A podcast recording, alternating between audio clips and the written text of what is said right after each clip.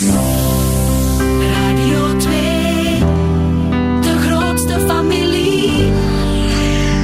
Goedemorgen, ik ontbijt vandaag in de Rotonde in Westende met psychiater, psychotherapeut en professor Dirk de Wacht. Goedemorgen. Mensen kennen jou onder meer eh, van Lieve van Gils, waar je regelmatig mee aan tafel schuift. Jouw mening wordt heel dikwijls gevraagd als Ja, het over ook niet, hoor, maatschappelijke ja, thema's ja. gaat, maar jawel.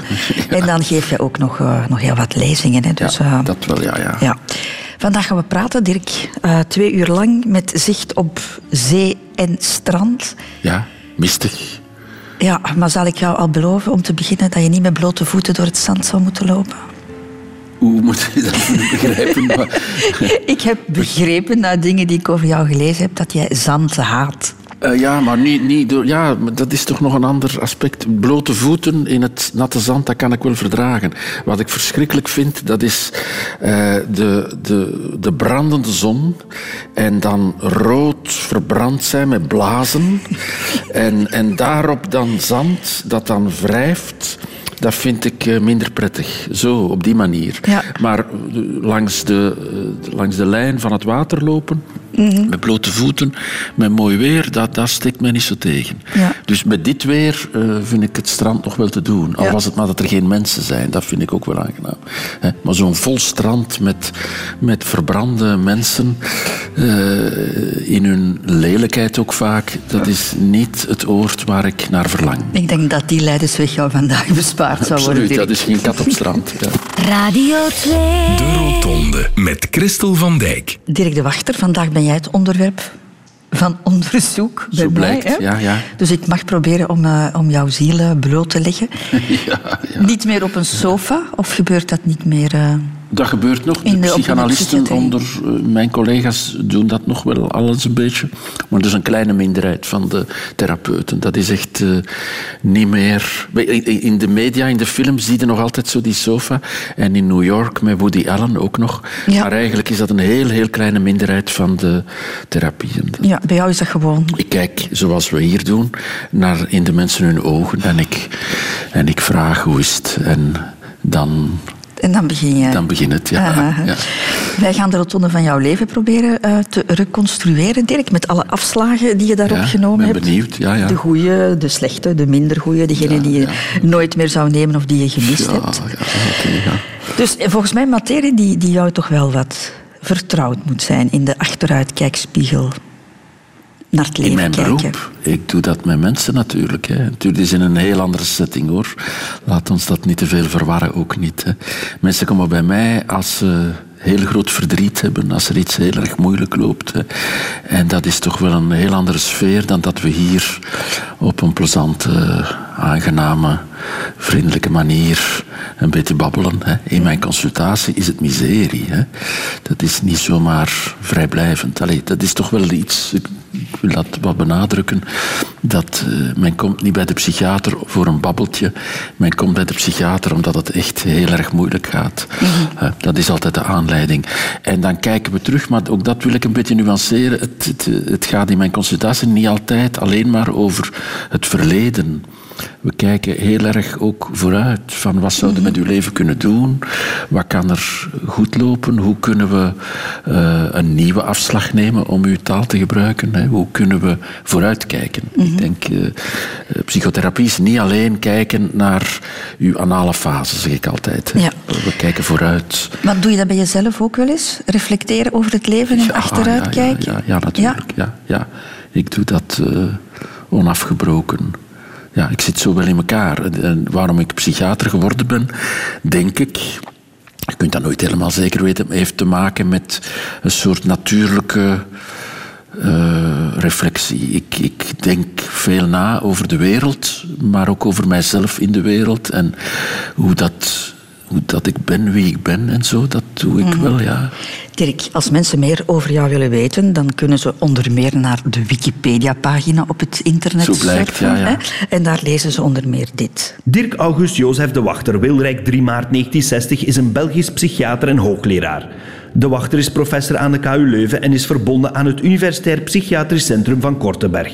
Voilà. Het is dat, juist, ja. ja. dat klopt allemaal. Ah, maar het ja, gaat allemaal over de bekende Dirk de Wachter. Hè? Niet over de Dirk de Wachter die ooit tiener geweest is en een anoniem mannetje Ja, is dat staat geweest. niet op Wikipedia, Nee, nou maar wij hebben daar wel voor gezorgd dat er een vervollediging eh, is Ja, gekomen is goed, van jouw ja, ja. Wikipedia-pagina. Zolang het heftig blijft, mag het. ja. Hankoeken heeft daarvoor gezorgd. Dirk de Wachter, geboren in Wilrijk op 3 maart 1960 als oudste zoon in het liefdevolle gezin van Pierre en Simone. Jeugdvriend Peter van Hoek geeft ons meteen een nuchtere beschrijving van de jonge Dirk. Een beetje een magere, eh, magere slungel zowat, met lang haar. En zijn twee jaar jongere broer Philippe vult dat nog wat aan. die zich weinig bezighield met bewegen. De Olympische gedachte, een gezonde geest in een gezond lichaam, was niet aan Dirk besteed. Zo getuigt Ingrid van de Velde, die samen met Dirk stage liep in Brugge. Och ja, een van zijn klassiekers waar ik ook altijd enorm veel pret mee gehad heb, is vanaf dat ik hem ken, zegt hij. Sporten is zeer ongezond. Nooit doen, veel te gevaarlijk. Humor is ook zijn handelsmerk, bevestigt collega en goede vriend Bart Leroy. Dat heeft hij heel erg.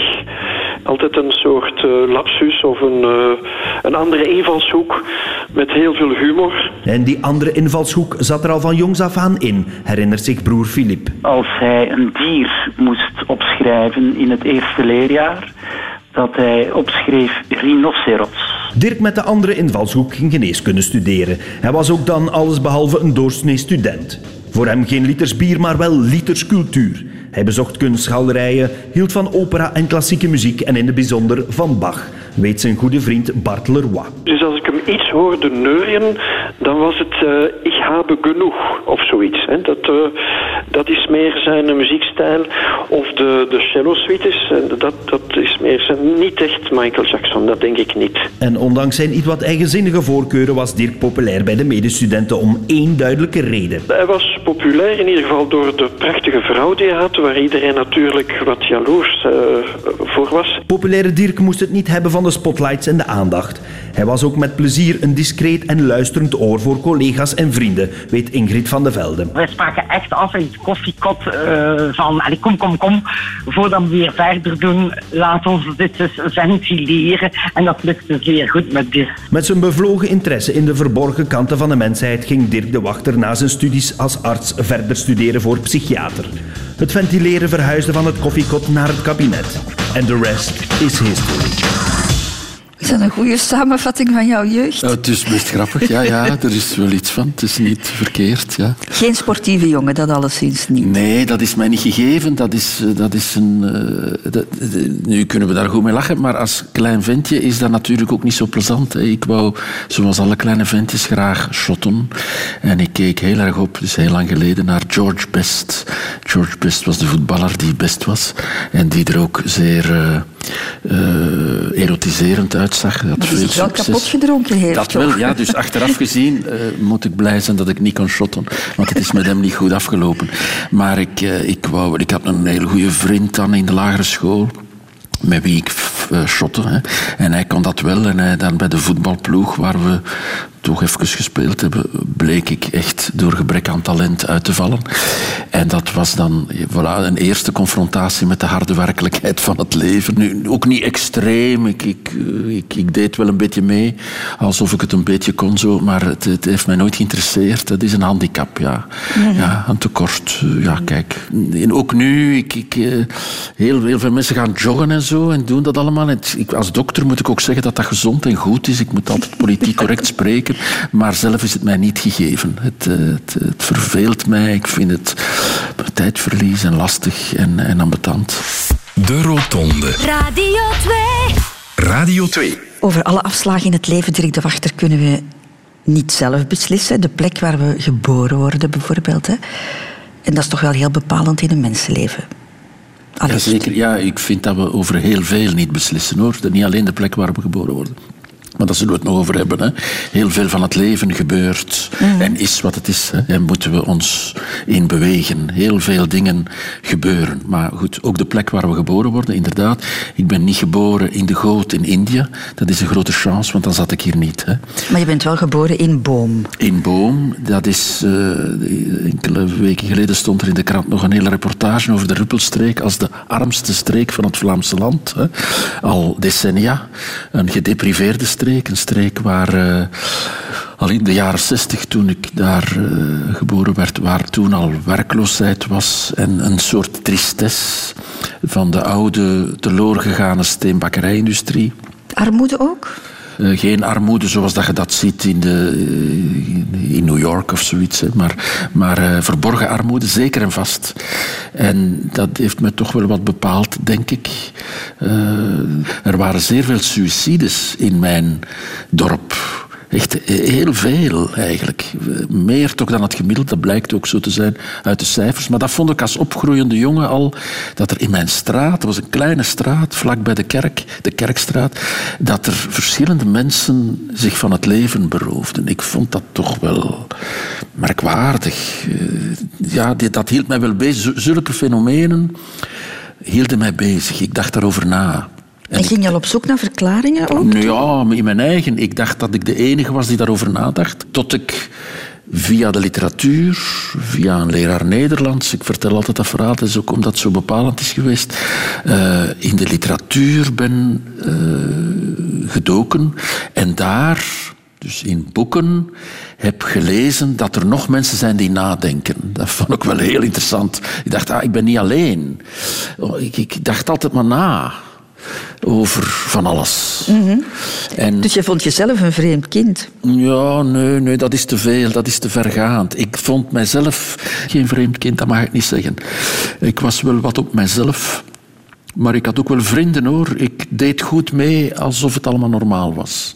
Zoiets. Maar ondertussen was ik toch maar altijd met mijn kop bezig. Zo. En ik kon daar niet goed weg mee. Ik wist niet goed. Ik had wat dat betreft niet zoveel gelijkgestemden of zo.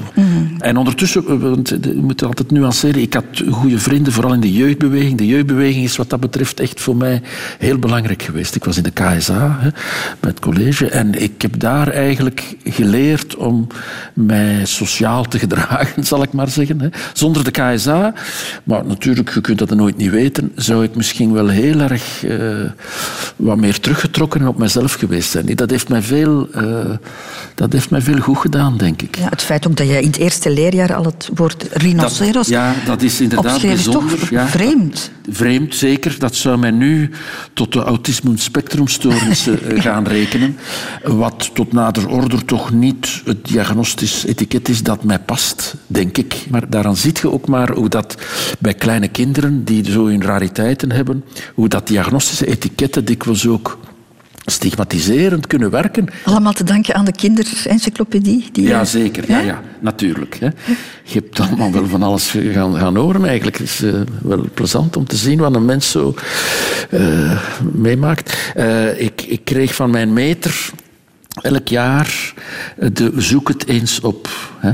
En die vrat ik helemaal op. Ik zocht het niet op, ik vrat het op. Als een soort bulimie las ik dat allemaal, waardoor ik in het derde leerjaar al het leven van Schubert en uh, Sostakovich wist. Terwijl ik eigenlijk, ja, dat was een beetje raar allemaal. Maar om met het gevaar van daar wijsneuzerig in te zijn, zweeg ik daar eigenlijk over.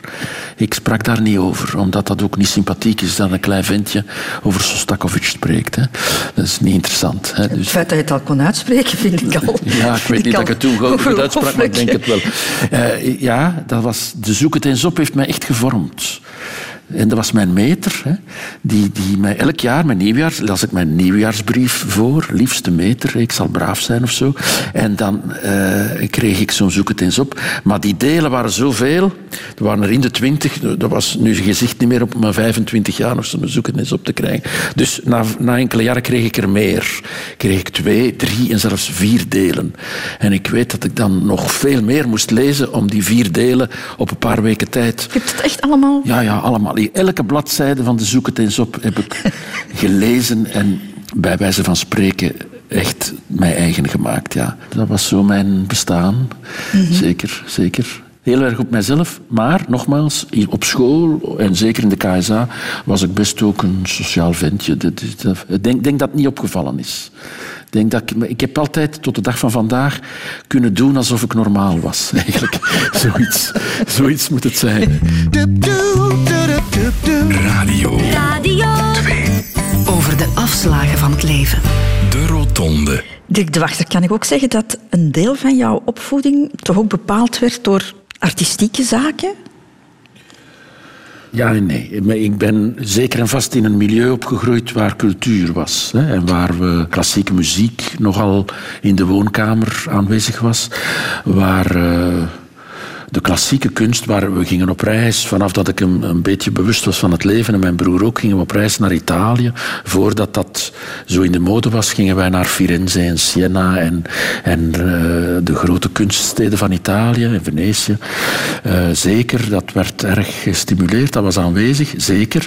Maar mijn belangstelling voor kunst de dag van vandaag is wel veel breder dan dat ik thuis heb meegekregen. Ik ben erg geïnteresseerd in hedendaagse kunst ook. Hedendaagse muziek, eh, hedendaagse beeldende kunst, theater en dans. En dat was in mijn kleine dorp niet aanwezig. Maar je had wel een moeder die toch eh, artistieke aspiraties Ja, had. dat heb hè? ik eens verteld en het is ook waar. Hè. Eh, zeker, mijn moeder eh, had eigenlijk theateraspiraties en vertelt altijd, vertelde, ze, ik kan het nu niet meer vragen, dat zij een soort ingangsexamen gedaan heeft voor het conservatorium in Brussel voor theater te gaan doen. Maar dat dat voor een meisje van goede katholieke huizen uit een klein dorp echt wel een stap te ver was. En dat ze dat ook nooit eh, dan gedaan heeft. Maar verder eh, waren mijn ouders eh, gewone brave mensen die niet zo in de artistieke middens of zo. eh, Nee, maar ze hebben jullie toch misschien wel wat ik gestimuleerd? denk het wel, want mijn broer is ook een eh, man die met muziek bezig is en met, eh, met, met, eh, met kunst eh, en, enzovoort. Dus dat, dat zeker, zeker. Wat dat betreft, ook wat dat betreft heb ik eh, een goed thuis gehad eigenlijk. Je hebt het zelf ook geprobeerd om iets in de artistieke richting te doen. En ik lach, maar ik moet eigenlijk niet lachen. Maar je hebt het geprobeerd. Je bent naar de kunstacademie in Mechelen lachen, geweest. natuurlijk. Ja. Het was om te lachen. Hè.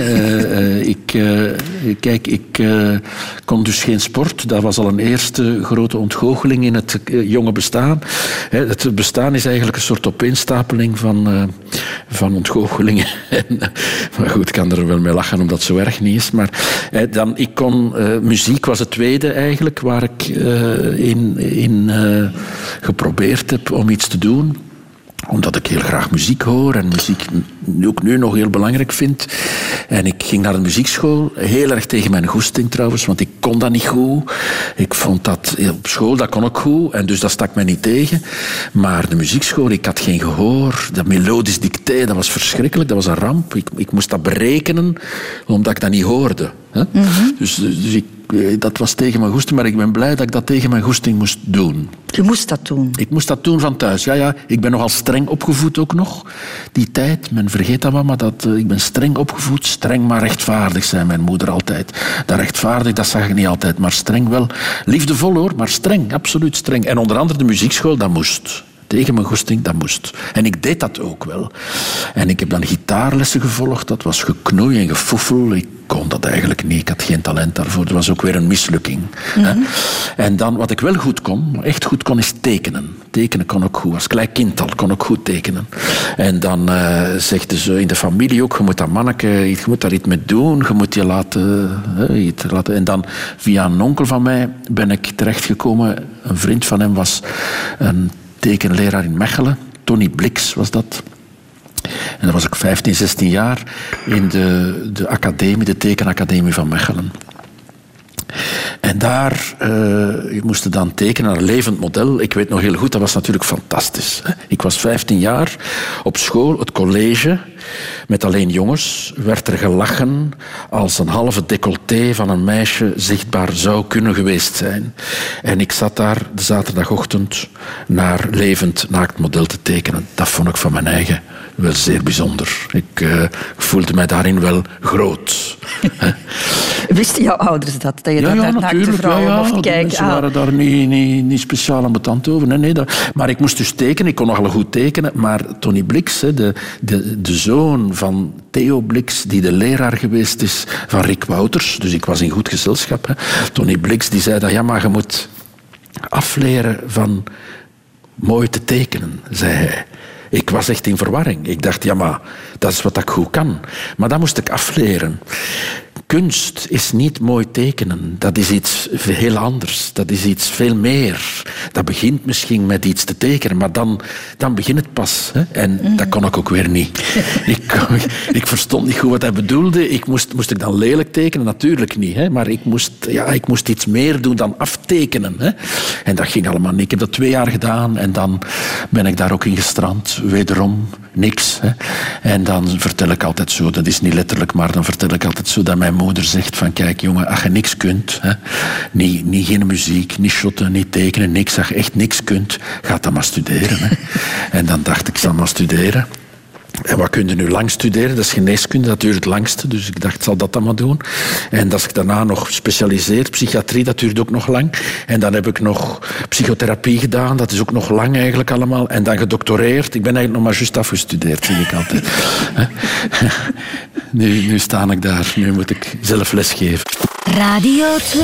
De Rotonde. De studies, Dirk de Wachter, jouw vader was kinesist, dus had ook gestudeerd. Dus ik vermoed dat dat eh, ja, bij jullie ook de normale gang van zaken was. Studeren was een absolute must. Dat is meer dan de normale gang van zaken. Ik denk, moest ik niet gestudeerd hebben, dat zou thuis heel erg moeilijk geweest zijn. Nu, Mhm. was ook evident, ook mijn broer. Eh, ik kom uit een milieu waar studeren heel, heel erg belangrijk was. Mhm. Eh, ook mijn onkels hebben allemaal gestudeerd. Al de vorige generatie was allemaal al universitair opgeleid. Hè. Ik had een onkel die een dokter was en mijn vader was dus kinesist en werkte in een ziekenhuis waar hij sprak als hij thuis kwam over de dokters en over het ziekenhuis en over het leven van dokters en patiënten enzovoort. En dus op een of andere manier was dokter worden een normale gang van zaken voor die kleine jongen al die een goede leerling was op school. Zoiets. En ik vond dat ook ambetant, want ik was dus heel erg in boeken en in kunst en in al die niet-dokterachtige dingen geïnteresseerd. En dan, ik was toen een jaar of 15, 16, viel dat ongelooflijk samen, omdat ik ontdekte dat er psychiaters bestonden. En ik dacht, dat is natuurlijk fantastisch, want dan zijt je dokter. En toch kun je dan bezig zijn met de menselijke geest en met, met de creativiteit en met het onbewuste en met al die dingen waar dat ik in mijn, al van in mijn kind, kinderjaar door gefascineerd was. Dus dat was, het is een soort genade gods dat er psychiaters bestaan. Want dat is wat dat ik ben eigenlijk. Het lijkt alsof ik daarin geboren ben en dat dat beroep voor mij bestemd is. Zo, ik denk het graag zo. Een beetje onzin, hè? maar ik denk het graag zo dat dat eigenlijk het enige is waar ik voor gemaakt ben. Ja, we gaan het daar zo meteen nog voort over hebben natuurlijk. Maar eventjes dan het feit dat jij van Boom, waar je eigenlijk niet graag woonde, dan naar Antwerpen kon verhuizen. Waar ik niet graag woonde, eh, ik was dus graag thuis. Het ouderlijk huis eh, is, is echt wel een soort bolwerk geweest waar ik heel eh, graag vertoefd heb. Hoor. Wij hadden zo'n tuin en achter die tuin was nog zo'n... een- Het magazijn noemden we dat, een oud, een oud magazijn van een vroegere brouwerij waar ik met mijn broer en ook met vriendjes, maar vooral met mijn broer ook wel een reusachtig, prachtige tijd heb gehad. Hè. Dus dat thuis was wel oké. Maar naarmate ik in de puberteit wat ouder werd en boeken las, was dat dorp mij veel te klein. Er was daar geen cultuur, of toch heel weinig. Er was daar geen theaterleven, geen muziekleven, geen, er was geen museum, er was niks. Al wat dat mij interesseerde, moest ik elders zoeken. En dat zocht ik in Antwerpen, in Brussel, eh, in Mechelen, in de academie. De, de, de wereld was mij veel te nauw en te klein in dat dorp. Eh, mijn moeder ging, eh, had, had daar vrije dag. Mijn moeder had een winkel. Hè. Eh, Van paraplu's zeker, Van paraplu's, ja, dat is toch een schoon verhaal. Hé, dat- ook, ja, dat is- bestaat niet meer. Hè. Het regent nog altijd, maar er zijn geen parapluwinkels meer. Ik, mensen worden nat waarschijnlijk. Hè. Dus, eh, maar op dinsdag, denk ik, had ze dan een vrije dag, de sluitingsdag. Hè. En dan ging zij naar Antwerpen of naar Brussel, vaak ook bij groothandels, haar waren kiezen. Hè. En ik ging wel al eens mee met mijn moeder. En dan liep ik met haar in het begin en als ik wat groter werd zonder haar in Brussel en in Antwerpen. En eh, dan ging ik wel graag naar kunstgalerijen. Zo is dat een beetje begonnen. Omdat dat, waarom kunstgalerijen? Omdat die gratis zijn. Ik ben zoals gezegd streng opgevoed. Ik had weinig zakgeld en die dingen. En dus ben ik gespecialiseerd geraakt in alles wat gratis was. en galerijen, daar kun je gewoon binnen. En je kunt gratis kijken naar allerlei dingen die in galerijen dan ook veel avant-gardistischer zijn dan in musea. hè. En zo ben ik zelfs op jonge leeftijd juist nog in de laatste tentoonstellingen van de White White Space in Antwerpen eh, kunnen gaan kijken. Wat in de jaren zeventig de meest veel besproken avant-garde galerij van de wereld was. Dus ik ben zo toch wel door dat toeval in de moderne kunst gekomen en geïnteresseerd. Ik vond dat ongelooflijk boeiend. Zoiets had ik nog nooit in mijn kleine dorp gezien. Maar je was geen typische student dan, die aan de toog ging Nee, en, nee, en die, nee, die eh, kantussen meedeed. Oh, en, nee, en- helemaal niet. Absoluut niet. Ik heb nooit een kantus meegemaakt. Dat is nu zo, voilà, een bekentenis op de radio. Eh, eh, nee, nee dat, dit interesseert mij geen sinds. Ik was wat, wat dat betreft een Einzelganger. Ik, ging, ik had een mini... Een Mini Cooper zo. Hè. En ik reed daarmee eh, op mijn eigen naar eh, tentoonstellingen en toestanden. En, en dat was blijkbaar in de faculteit geneeskunde van de Universiteit Antwerpen een zeer afwijkend eh, gebeuren. Ik had wel, laat mij nu ook weer nuanceren, ik had twee goede vrienden met wie ik naar de universiteit reed, die samen met mij geneeskunde studeerden. Maar eh, ik ging te vlug. Eh, zij hebben wat langer over de studies eh, gedaan.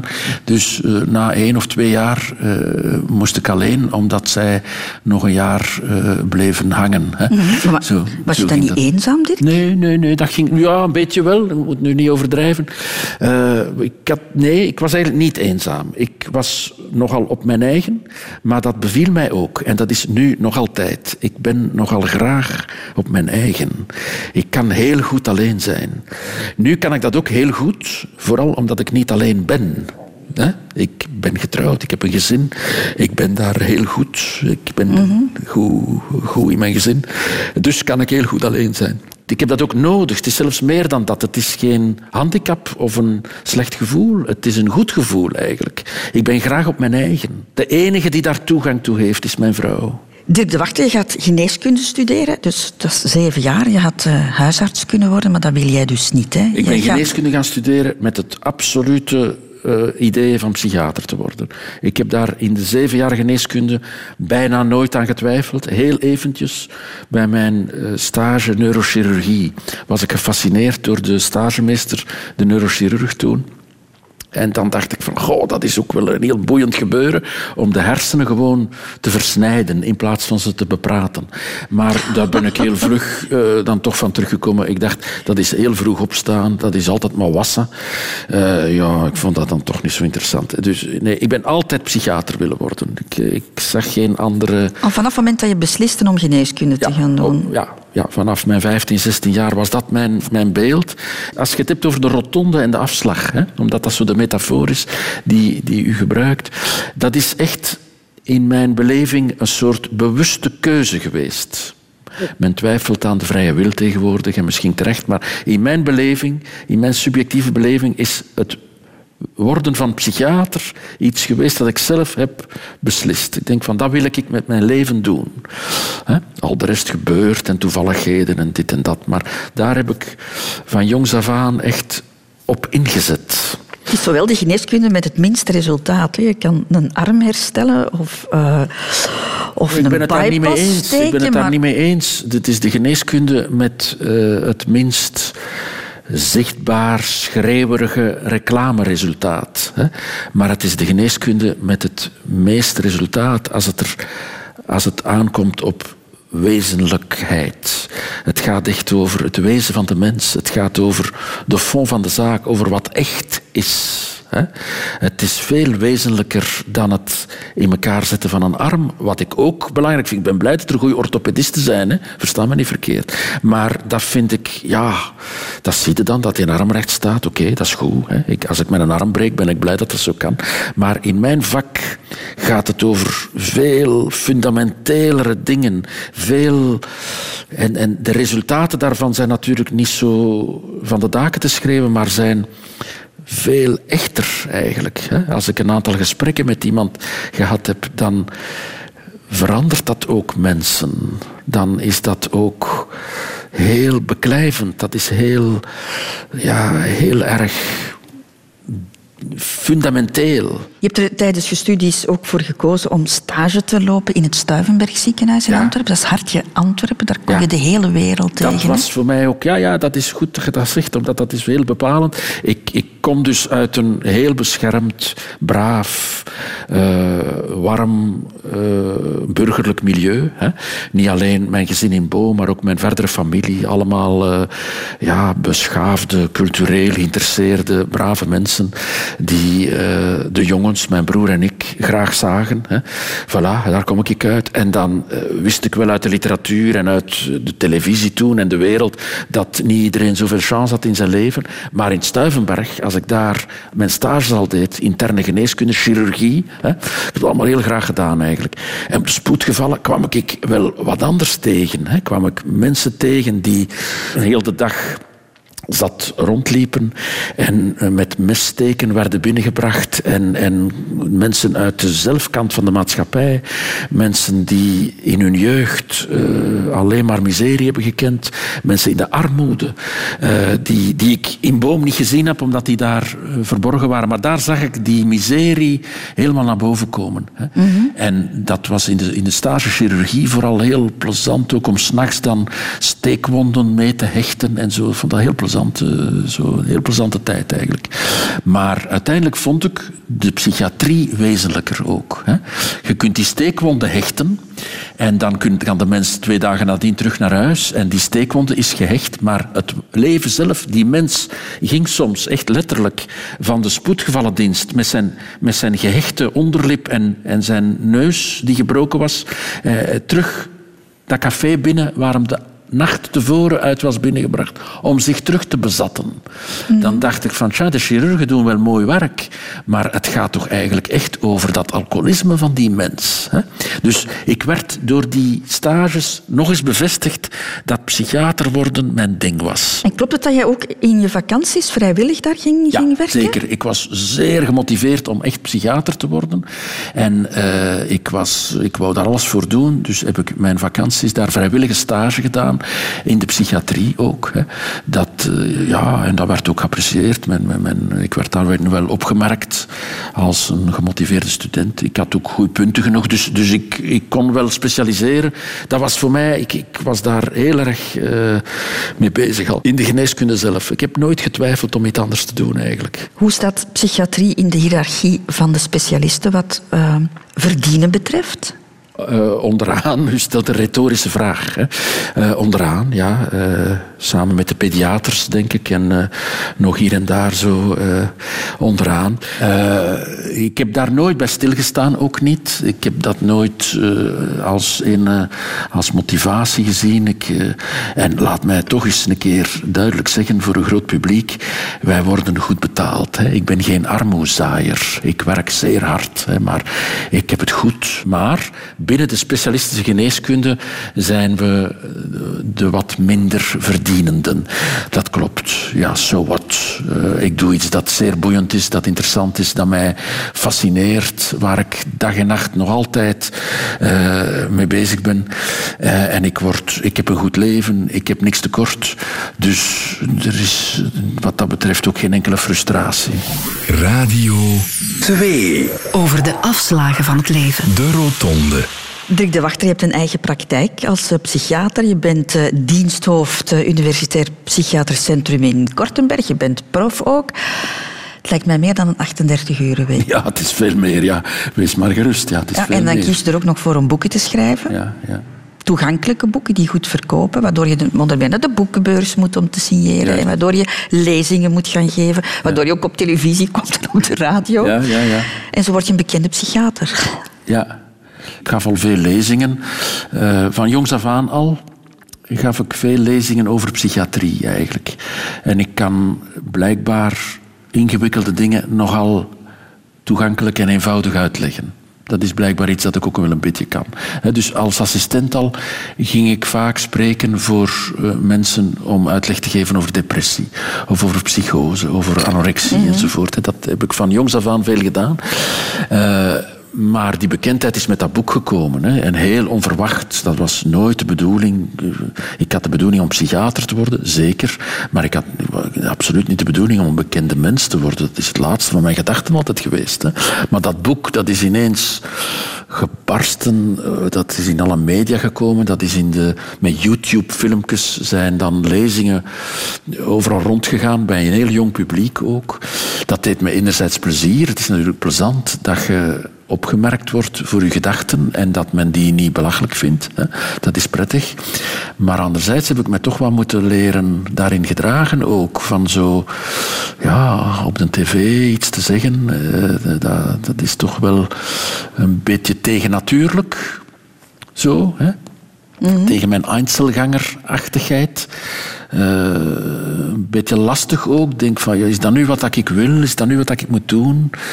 Laat me eens gerust, denk ik soms. Oh ja, want je wordt constant om je mening Ik gevraagd. word hè? constant om mijn mening gevraagd. Ik zeg ook vaak nee, en dan is het nog heel veel. Hè.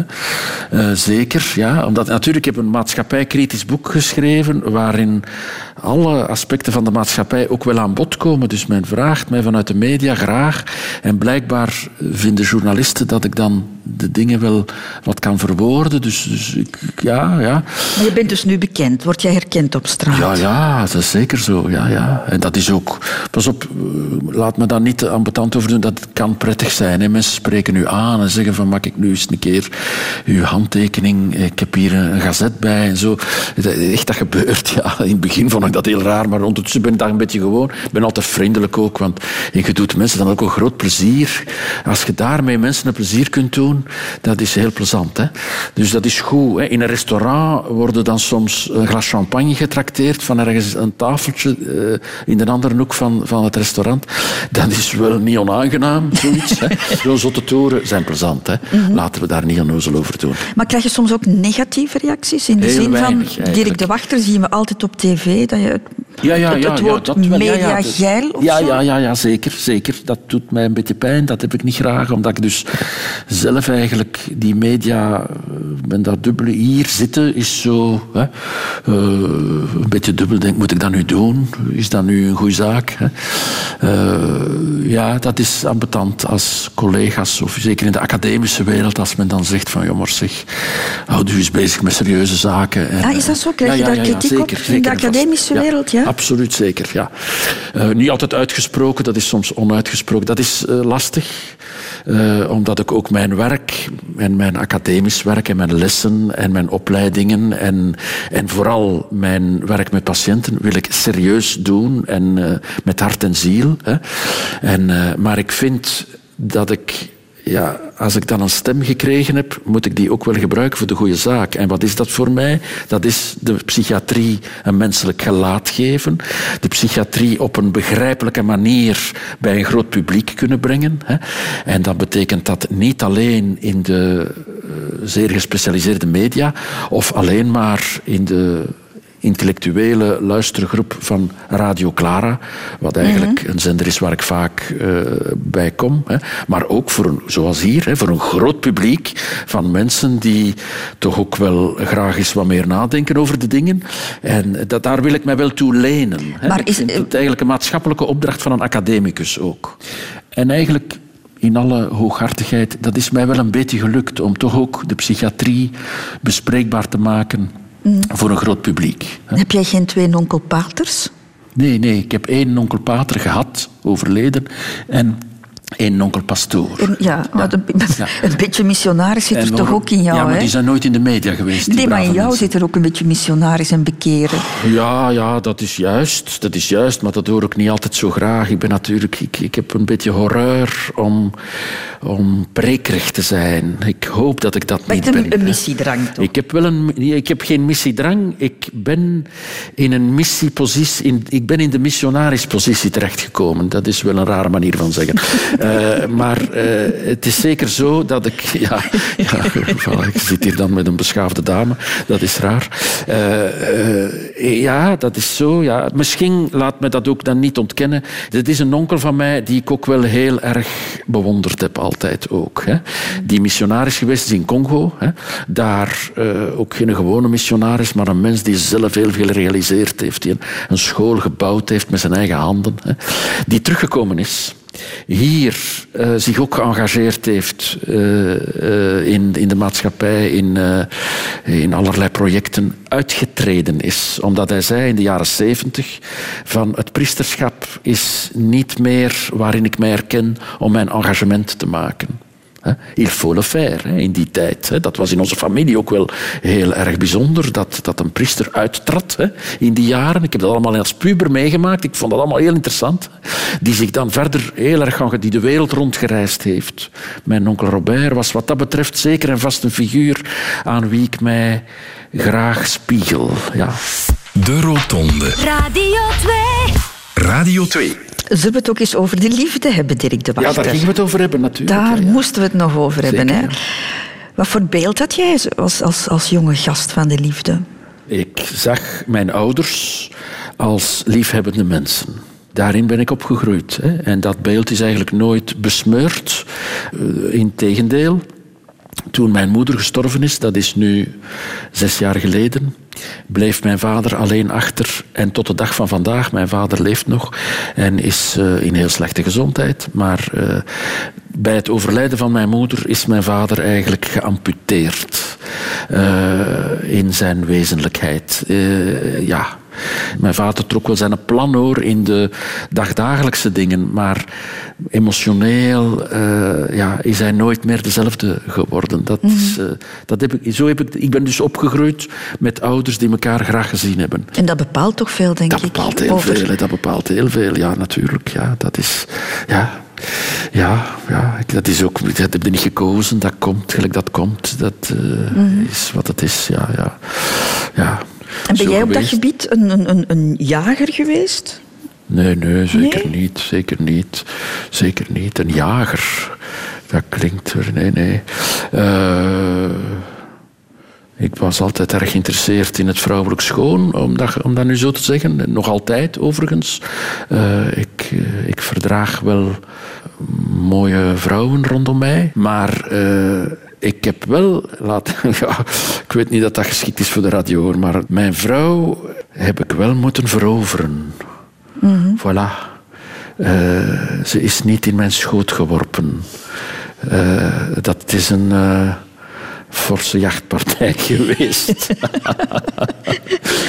Voilà, ja. Ja. Ik weet niet verder. Je hebt haar leren Wil ik kennen- daar geen details over vertellen. Je maar- hebt haar leren kennen op, op de universiteit, Ja, dus ja, jullie zijn eigenlijk al, al, al heel lang samen. Ja, Hè? ja, een eeuwigheid eigenlijk. Ja.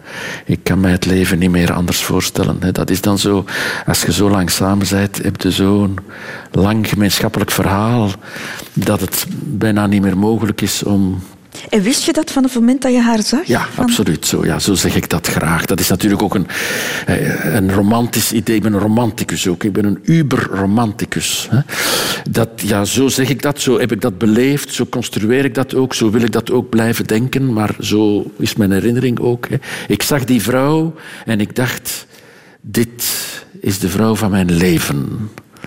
Voilà. Dat, zoals ik, dat zijn de twee enige dingen in mijn leven waar ik van dacht, dit heb ik zelf beslist, dit is waar ik voor ga. Al de rest is mij overkomen, is toevallig geweest, had anders kunnen lopen enzovoort. Maar mijn keuze voor mijn beroep op mijn 15 en mijn keuze voor mijn partner op mijn, wat is het, 22 of zo, was een soort van eh, eigen vastgedacht. En door toeval van het lot en chance en gelukkigheid zijn die twee dingen ook zo Mhm. geworden. Want dat had natuurlijk anders kunnen lopen. Hè.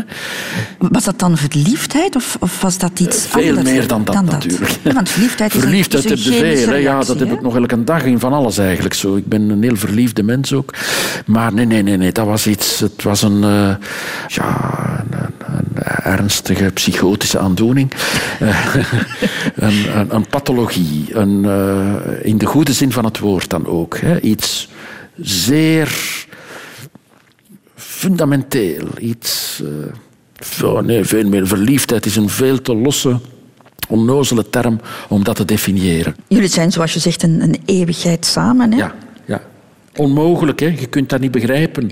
Dat is niet normaal. Maar hoe komt dat dat jullie lukt en andere mensen Oh, niet? dat is gewoon chance. Hè. Dat, Is dat gewoon niks chance, je? Natuurlijk, ja, dat is natuurlijk. Ik heb daar niks voor gedaan. Hè.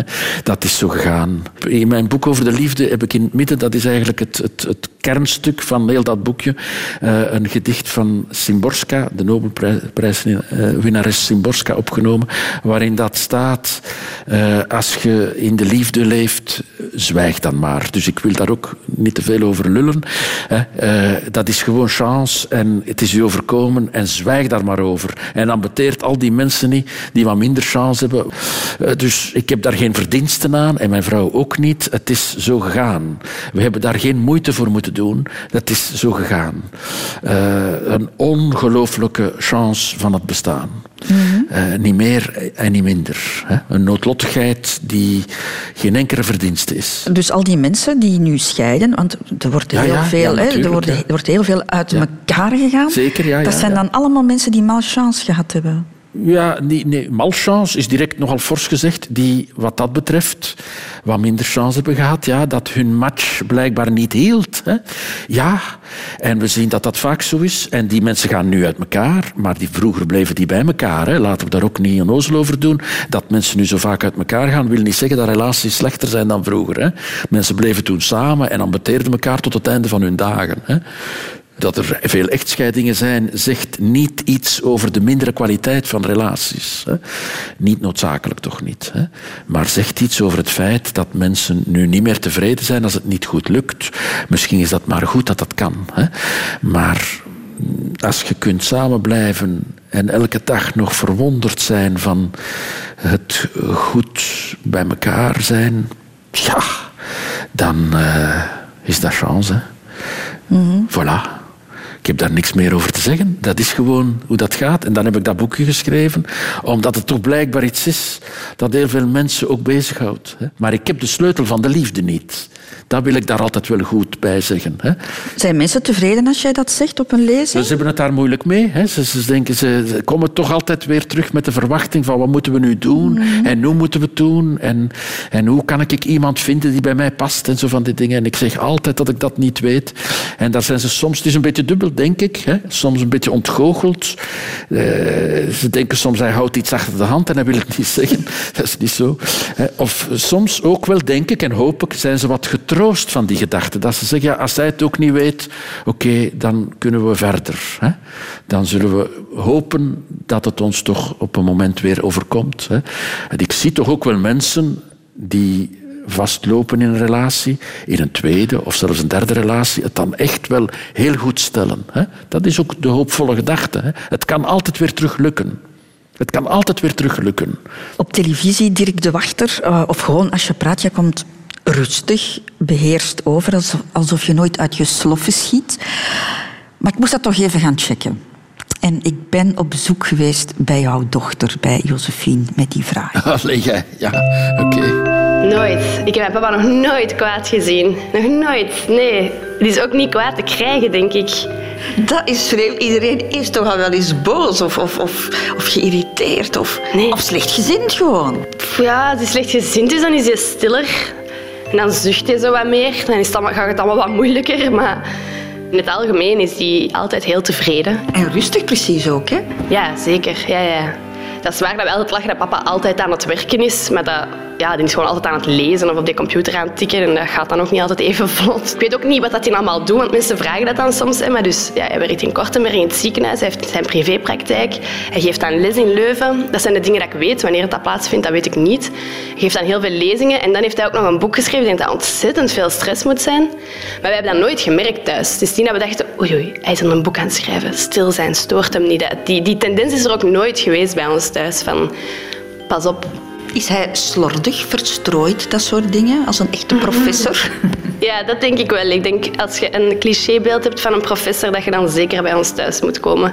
Die tafel, dat is, we hebben een heel lange tafel. Ik denk dat daar tien man aan kan zitten in de living.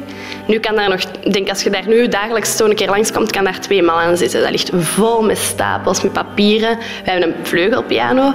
Dat is geen vleugelpiano meer. Je krijgt je vleugel niet open. Dat ligt vol met papieren. Hij heeft een klein bureautje. Dat ligt vol met papieren. Hij heeft zijn privépraktijk. Dat ligt op die bureau papieren. Niet op de zetels. Daar kunnen de mensen nog gaan zitten. Maar onder die zetels. Vol met papieren. Er staat een bergingkast in de kelder. Dat was eigenlijk vroeger de voorraadkast. Met confituur en choco en blikken en zo. Dat staat nu vol met papieren. Nee, vol, vol, vol. En er is niemand die zich daaraan ergert? Oh jawel, mijn mama. En dan af en toe dreigt ze met dat weg te smijten. En dan zegt hij dat hij dat allemaal nog nodig heeft. Die houdt ook heel veel bij. Ook stoeme dingen. Alleen niet per se. En dan soms doet ze dat stiekem en dan heeft hij dat ook niet door. Maar misschien nu wel als ik dat zeg. Maar dan soms dan smijt ze zo toch zo dingen weg. Dat ze denkt, wat had je nu bij? Dat gaat je toch nooit meer bekijken. Ook wel zo, soms kranten of artikeltjes van zoveel jaren geleden. En dan ook reclamefolders om de een of andere reden. Zo kruidvat en een brico. Houdt er dat ook bij? Ja, maar ik snap dat wel. Ik lees dat ook soms. Allee, lezen, ik weet niet, ik krijg dat soms ook in mijn bus, want ik heb niet zo een sticker geplakt dat ik dat niet moet hebben. En dan soms vind ik dat zo, al die advertenties van zo, ja, gyprokplaten en, en wc's en sandbloks en zo. Ja, ik weet niet. En daar leest hij inderdaad en dan verscheurt hij dat ook altijd op een heel specifieke manier. Die, die, die, die smijt dat niet gewoon weg. Hè. Dan, dan leest hij dat en dan scheurt hij dat in twee. Dan ligt hij op elkaar nog eens, nog eens totdat dat zo kleine... En dan pas smijt hij dat weg. Alsof hij ooit al een gyprokplaat heeft vastgehouden. Oh, nee, nee, nee, dat zal niet. Nee. Alhoewel dat die hun huis heel erg verbouwd hebben, dus ze zal wel iets moeten gedaan hebben, maar ik denk het toch niet.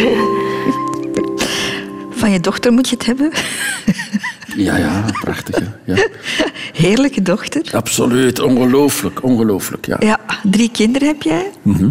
Die ondertussen het huis uit zijn. Eh, dus eh, we zitten nu in de heerlijke fase van de, de rust.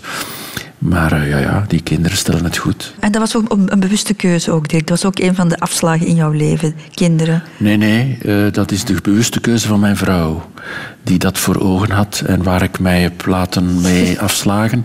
Eh, ik had daar geen beeld van. Ik had mij even goed een leven kunnen voorstellen zonder kinderen of anders en zo. Dat er, daar, had ik, daar heb ik absoluut geen enkele bewuste keuze in gemaakt. Ik, heb, ik ben daarin meegegaan en dat is ook goed gebleken en al wat dat je wilt. Maar dat is zeker niet iets waar ik actief een keuze in gemaakt. Dat is, de, dat is heel erg de keuze van mijn vrouw. Drie kinderen. Ja, voilà. En nu alle drie het huis uit en moet jij een nieuw evenwicht zoeken. Nee, nee, nee. Ik doe hetzelfde voort. Ze komen ook wel langs en zo. Nee. Dus helemaal niet een breuklijn of iets anders of zo. Ik werk altijd, hè, zoals zij ook zegt. Ik zit altijd te schrijven of te lezen. Alles ligt vol, alles ligt vol. Dat is waar, dat is verschrikkelijk soms. Voor mijn huisgenoten toch wel ambetant ook, hoor. Dat... eh, Alles ligt vol. En inderdaad ook banaliteiten. hè. Dat is wat ik bij, bij mijn boek Borderline Times ook heb geprobeerd. Om, om de media eigenlijk te gebruiken om, om mijn punten te illustreren. Hè. Om de, de banale media ook, ook ja, te gebruiken in mijn boek. Dat is nogal gelukt. Eh, ja, ik, ik gebruik alles. Ik ben daar heel, dat is heel ongebreild en bulimisch in eigenlijk. Ik gebruik alles. Alles wat ik zie, gebruik ik. Ik, ik, ik, ik zie rond en ik kan dat gebruiken. Hè. Dat- ja. Zelfs tijd voor banaliteiten zoals gyprokplaten en wc-potten. Ja, ja dat, is dan, dat is dan specifiek, omdat ik ergens... ergens eh, ik, ik ga er nog eens iets mee doen, maar gyprok eh, is, is zoiets dat, dat eh, eigenlijk een gladde muur toont achter de brokkelige ruïnes van het bestaan. Hè. Dus het is ook een mooie metafoor voor de tijd ook. Hè. We, de, we leven in gyproktijden eigenlijk. Hè. Dus de, de vochtplekken worden achter de, de gyprok verborgen, zoiets. Hè. Ik denk dat gyproktijden... Dus ik, heb, ik ben Ja. van plan om iets te doen met gyprok eigenlijk. Radio Radio 2. Over de afslagen van het leven. De Rotonde. Dirk de Wachter, eh, je hebt enkele jaren geleden in een interview gezegd, in Libel in 2013, hè, ik zal het staven. Ja, ja, ja. Als ik in rekening breng wat ik persoonlijk heb om gelukkig te zijn, dan is dat 10 op 10. Heb ik dat zo gezegd? Dat heb jij zo gezegd. Ja, ja. Is gelukkig zijn ook een keuze die je kan maken dan? Nee, ja, heel weinig. Hè. Een klein beetje wel. Hè. Maar geluk is vooral een chance, zeg ik daar ook altijd. Hè. Je hebt de chance om in een land geboren te worden waar er geen oorlog is, waar er geen grote infecties zijn. Dat is een chance. Hè. Je hebt de chance van in een tijd te leven waarin het tot, tot hiertoe, laten we voorzichtig zijn, eh, eh, nogal veilig is. En, en hè, waar dat we niet doodgeschoten worden op straat. Hè. Dat is een chance. Hè. Dat is een geluk. Geluk is een chance. Eh, geluk, als ik over mezelf mag spreken, dat is dat ik eh, eh, wel geen talenten had, maar toch naar school kon gaan en kon studeren en een beroep doen dat ik graag doe en daar relatief goed mijn kost kan mee verdienen. Dat is een geluk ook. Hè. Mhm. Dat, is mijn- kinderen hebt die het goed doen. Kinderen die gezond en wel ja. zijn, die, die geen grote problemen hebben, die geen ernstige aandoeningen zoals hoogbegaafdheid hebben. Eh, het gaat allemaal eh, nogal met chance. Hè. Een geliefde die, die, die mij blijft graag zien, ondanks mijn, eh, mijn verzamelwoede. En zo, eh, en mijn alles overhoop zetten en mijn onwaarschijnlijke slordigheid. Hè. Ja, ja, eh, wel, is chance. Ja. En zoals ik al gezegd heb, een ouderlijk nest waar ik graag gezien ben en goed in opgegroeid ben. Ja, ik heb daar geen enkele verdienste aan. Hè. Nu, dat, dan moet ik weer een beetje nuanceren. Heel veel geluk is een chance. Er is toch een kleine niche waar we verschil kunnen maken. In die niche is, ben ik als psychiater actief ook. Hè. Ook als je veel malchance hebt gehad met je achtergrond. Je zult maar in een nest geboren worden waar je verworpen en beledigd wordt als kind. Hè. Kunt je toch als volwassen mens je eigen leven een stukje in handen nemen? Daar ga ik van uit. Dat is stuk waar ik mijn beroep van maak. Hè. Om aan mensen te, met mensen samen te zoeken naar hun kracht, naar hun, hun, eh, hun geluk, eh, in de zin van hun, eh, hun verbindingen, hun talenten, dat wat ze zelf in handen kunnen nemen, waar ze, waar ze iets mee kunnen. Hè. En eigenlijk is dat kunnen ook een geluk. Maar vaak zijn mensen daar niet van bewust. Vaak kunnen ze wel meer dan dat ze dachten. Want het negatieve uit uw opvoeding en uit uw ontwikkeling is vaak zo overrompelend negatief dat je denkt dat er niks gaat. Hè? En het is de taak van de therapeut om binnen dat moeras van, van duisternis te gaan zoeken naar lichtpunten. En soms zijn er veel meer lichtpunten als men dacht. Maar van de andere kant zeg je ook dat we te veel proberen om gelukkig te zijn. Ja, ja, dat vind ik wel. Ik vind dat onze tijd eh, eh, obsessief en, en eh, doorschietend bezig is met gelukkig zijn. En dat vind ik een vergissing. Want het is af en toe een beetje ambetant, het leven. Het is af en toe een beetje ongelukkig. Het is af en toe een beetje lastig foefelen en prutsen. Dat is het leven. Dat is het menselijk leven. Dat kan niet anders. Hè. En als we denken dat het altijd fantastisch moet zijn, dan loopt het garandeerd mis. Dus we moeten ook leren wat minder fantastisch te zijn. Dat en om denk eens te zijn een beetje ongelukkig, ja. Dat is de kunst van het leven. Dat er iets tegengaat. Bij iedereen, bij mij ook. Er is al eens een dag die tegengaat. Dat kunnen hanteren en dat niet erg vinden en daar niet zwaar van in de put geraken, maar zeggen van oké.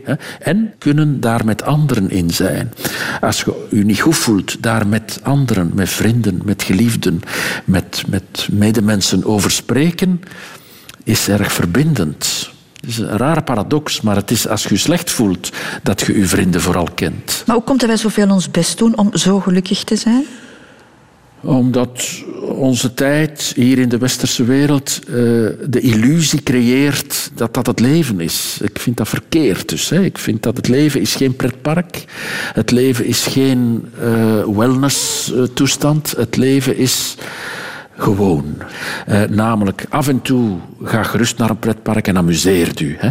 Maar je moet ook terug thuiskomen en daar gewoon kunnen zijn. Af en toe loopt het ook mis in het leven. Dat is eigen aan het menselijk bestaan. Af en toe is er iets, nogmaals, met uw gezondheid, met uw kinderen, met uw liefdesleven, met dit, dat, dat, kan niet anders. We moeten leren daarmee omgaan.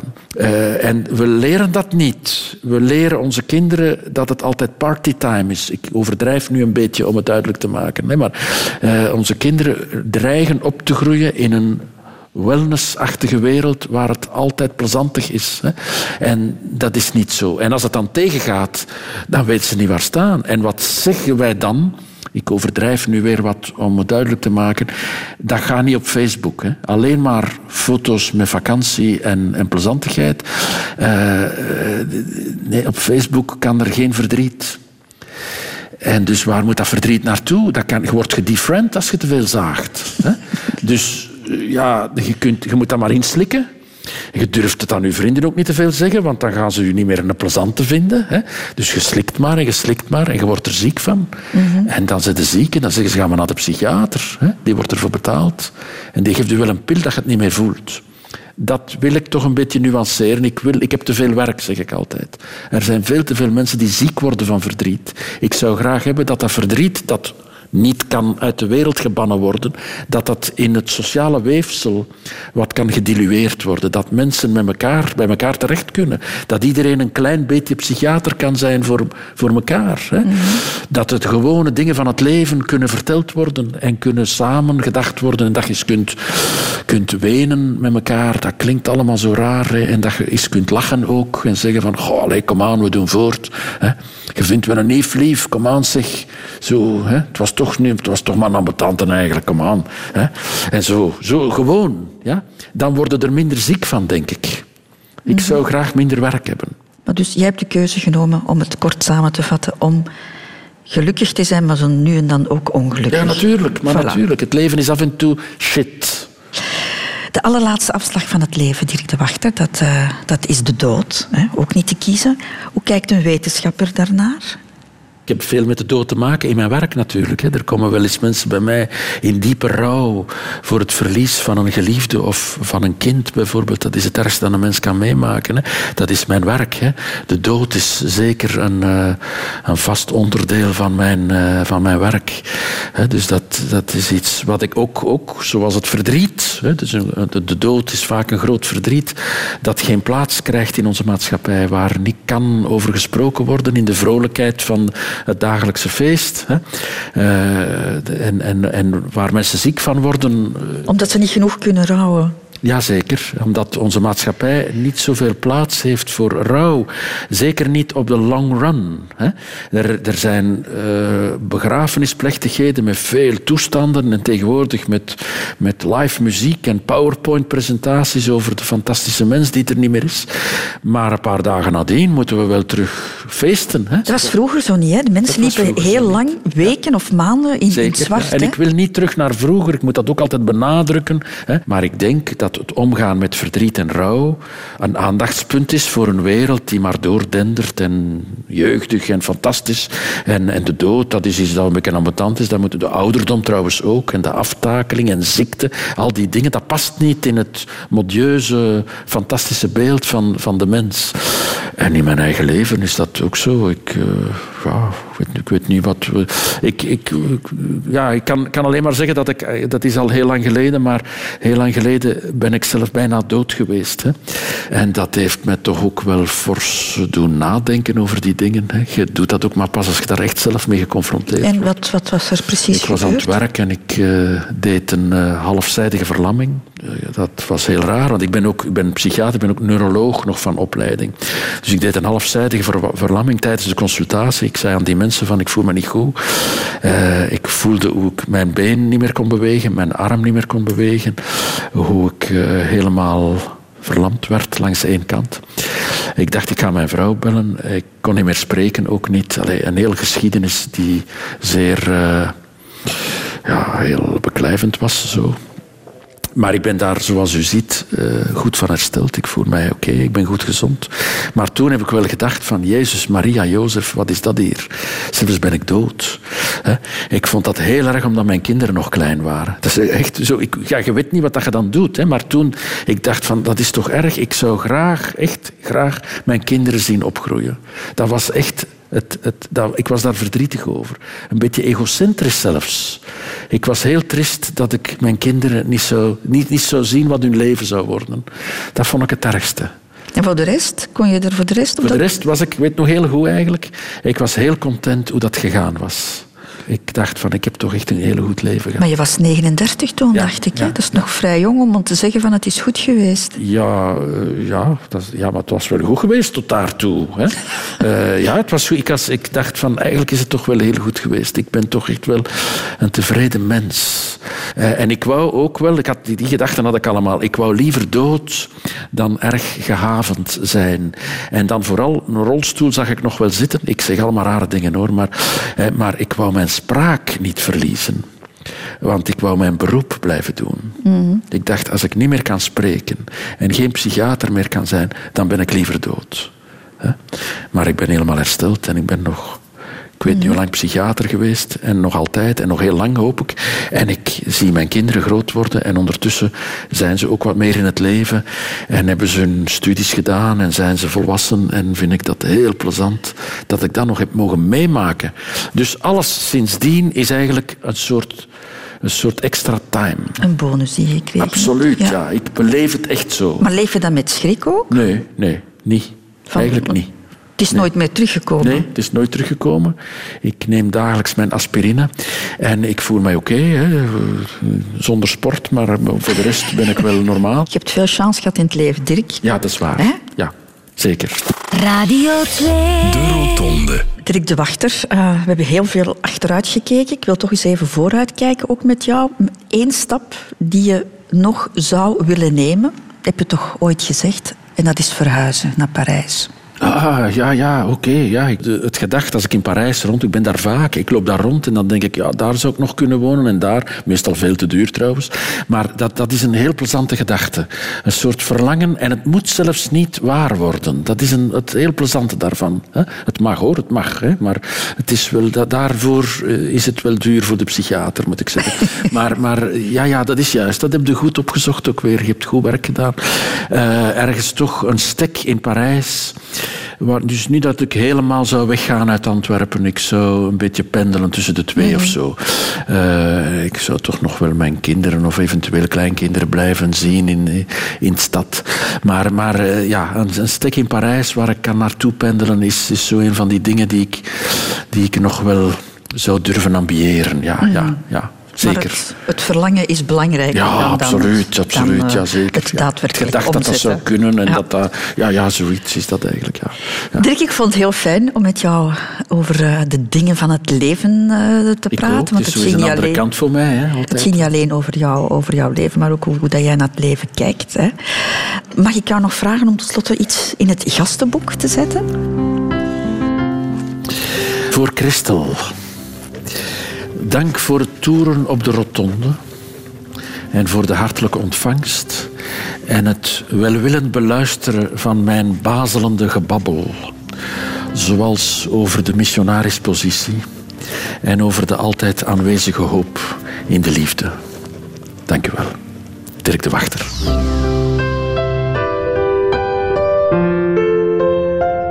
Radio 2